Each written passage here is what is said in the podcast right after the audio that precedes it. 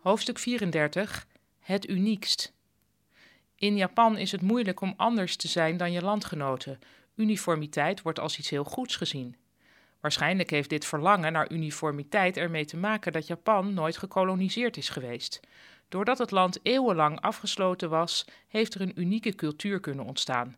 Japanners zijn hier erg trots op. Japankenner Ian Buruma heeft veel over dit onderwerp geschreven, onder andere in zijn interessante boek Inventing Japan.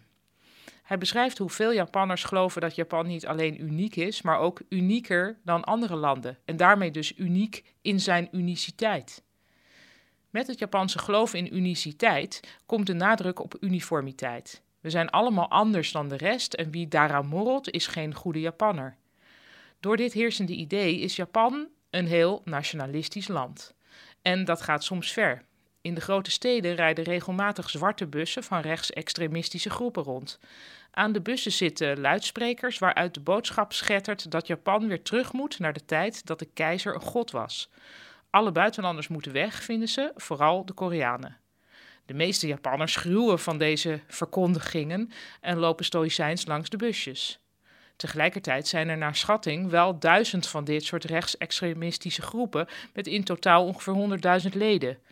Goed, dat zijn extremisten, maar een gematigder versie van dit nationalistische gedachtegoed heerst ook onder gewone conservatieven.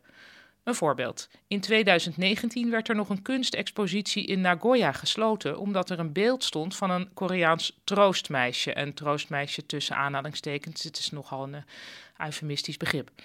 Veel middle-of-the-road Japanners willen nog steeds niet toegeven dat Japan in de oorlog overal in Azië duizenden vrouwen als seksslaven gevangen hield om de troepen tevreden te houden.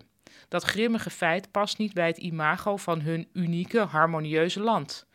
En omdat ze het niet willen toegeven, mogen er ook geen beelden van worden gemaakt.